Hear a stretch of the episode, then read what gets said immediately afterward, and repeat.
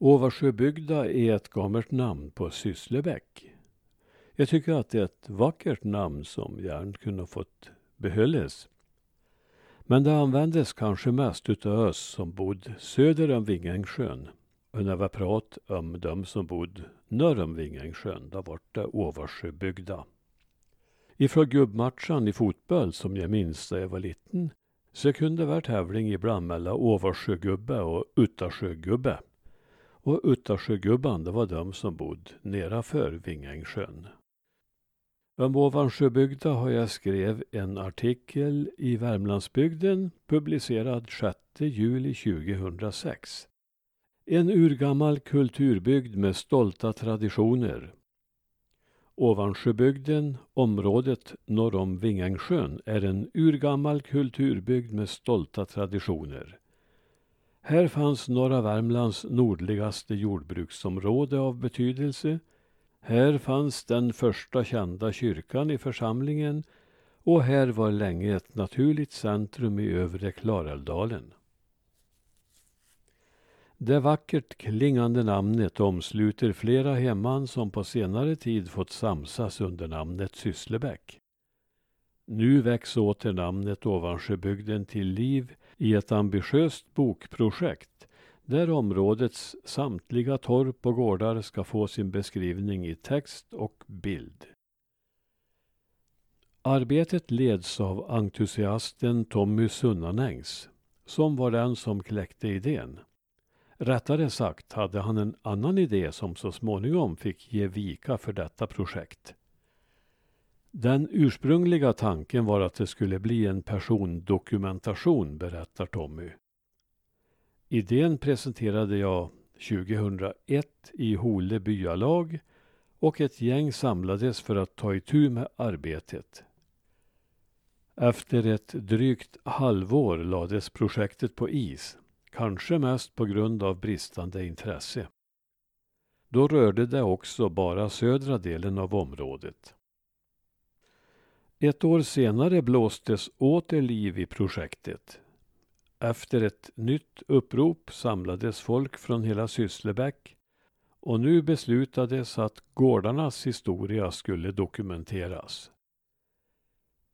När vi sedan bestämde oss för att ta med torp och offentliga byggnader blev det inte utrymme för persondokumentationen som var den ursprungliga idén.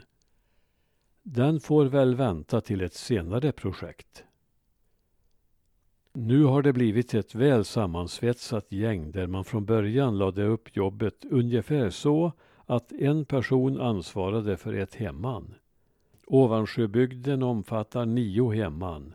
Nedergården, Gunneby, Lillbergsgården, Hole, Stommen, Fläskremmen, Tusta, Slättne och Skyllbäck. Men riktigt så enkel blev inte uppdelningen eftersom flera av hemmannen har mark på flera platser i bygden. Av praktiskt geografiska skäl har därför dokumentationen fördelats på 18 områden. Hela dokumentationsområdet har också blivit något utökat sedan vi startade så det omfattar nu allt från Vingängssjön i söder och med Brattmon i norr. Också Svansåsen öster om Sysslebäck finns nu med, berättar Tommy. Arbetet har alltså svällt rejält medan det pågått och i dagsläget finns 718 objekt dokumenterade. Det har givetvis samtidigt blivit utsträckt i tid och när det ska vara slutfört står ännu skrivet i stjärnorna. Datumet för boksläppet har flera gånger fått flyttas framåt. Totalt består projektgruppen av 13 strävsamma personer under Tommys säkra ledning.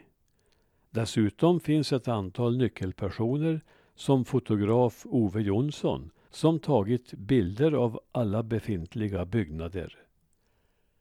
Men var får man tag på uppgifter om torp och gårdar som länge sedan skattat åt förgängelsen?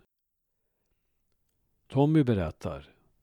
Mycket har förstås hämtats ur Övre Älvdals härads gårds och släkthistoria liksom ur gods och gårdar. Boken Torp i Dalby utgör ett bra underlag för torpens historia. Från Lars Bäckvalls Älvdalsarkivet finns mycket att hämta och Jakob Jakobssons efterlämnade papper har varit till stor hjälp. Många timmar har lagts ner på att studera kyrkböcker och handlingar från Lantmäteriet. Landsarkivet i Härnösand och Värmlandsarkiv har också fått bidra. Men den kanske största och viktigaste källan är bygdens befolkning. Vi har hittat en del som nog inte så många känner till, som att det har stått ett värdshus på Gärdet nedanför Olsby i Slättne. Det brann ner 1915. Att det har funnits ett badhus vid bäcken intill ordenshuset känner säkert de flesta till. Men det är nog ganska okänt att det en gång också fanns ett badhus på Sandbackheden vid Brattmoviken.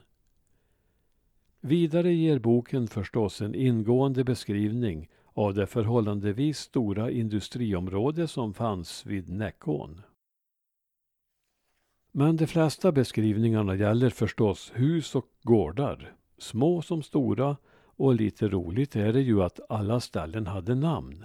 Många rent av poetiska.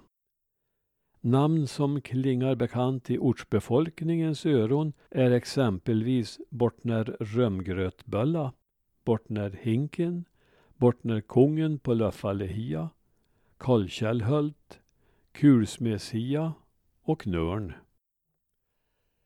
Även om allt dokumentationsarbete sker ideellt medför givetvis ett bokprojekt av det här formatet stora kostnader.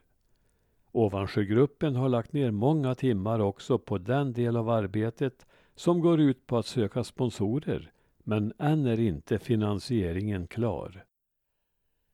Förra året anordnade man en auktion på skänkta föremål där hela behållningen gick till boken och detta gör man en repris på i sommar.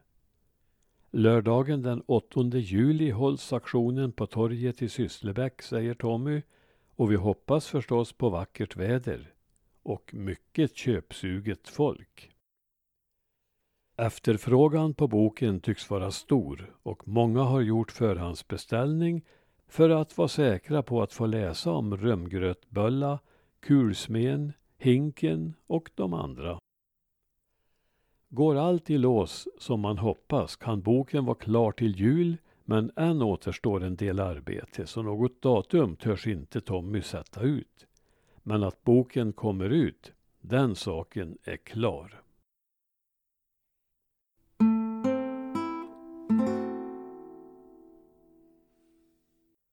Så här långt efteråt som 2020 kan jag berätta att boken verkligen kom ut och vart ett, ja, och vart ett praktexemplar. Som sen följdes utav två fotoböcker om samma område. Med så många personer som man har fått tag på bilder på. Bra jobbat ifrån Ovarsjöbygda!